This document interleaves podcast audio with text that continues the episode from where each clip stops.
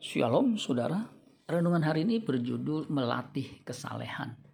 1 Timotius 4 ayat 7 dan 8. Tetapi jauhilah tahayul dan dongeng nenek-nenek tua.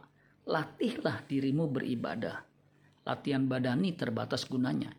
Tetapi ibadah itu berguna dalam segala hal karena mengandung janji baik untuk hidup ini maupun untuk hidup yang akan datang. 1 Timotius 4 ayat 7 dan 8 terjemahan Alkitab versi Borneo mengatakan begini.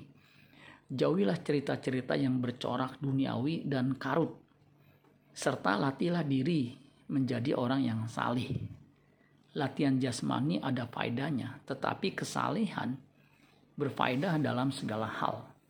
Karena memuat janji baik bagi kehidupan sekarang maupun kehidupan akan datang agar orang percaya menjadi saleh diperlukan proses panjang.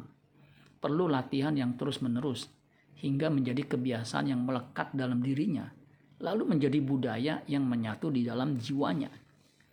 Untuk itu ia harus bersedia dilatih dan berlatih sehingga menjadi orang yang terlatih hidup saleh yang bisa melatih orang lain.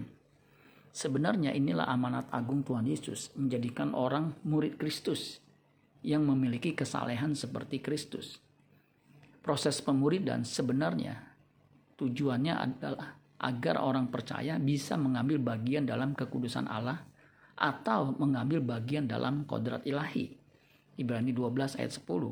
Sebab mereka mendidik kita dalam waktu yang pendek sesuai dengan apa yang mereka anggap baik tetapi dia menghajar kita untuk kebaikan kita, supaya kita beroleh bagian dalam kekudusannya.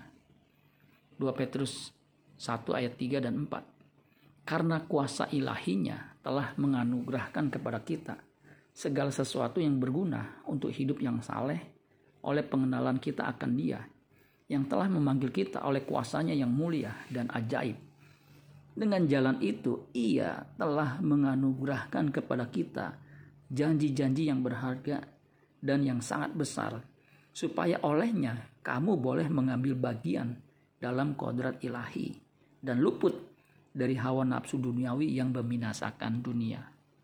Amin buat firman Tuhan. Tuhan Yesus memberkati. Sola Gracia.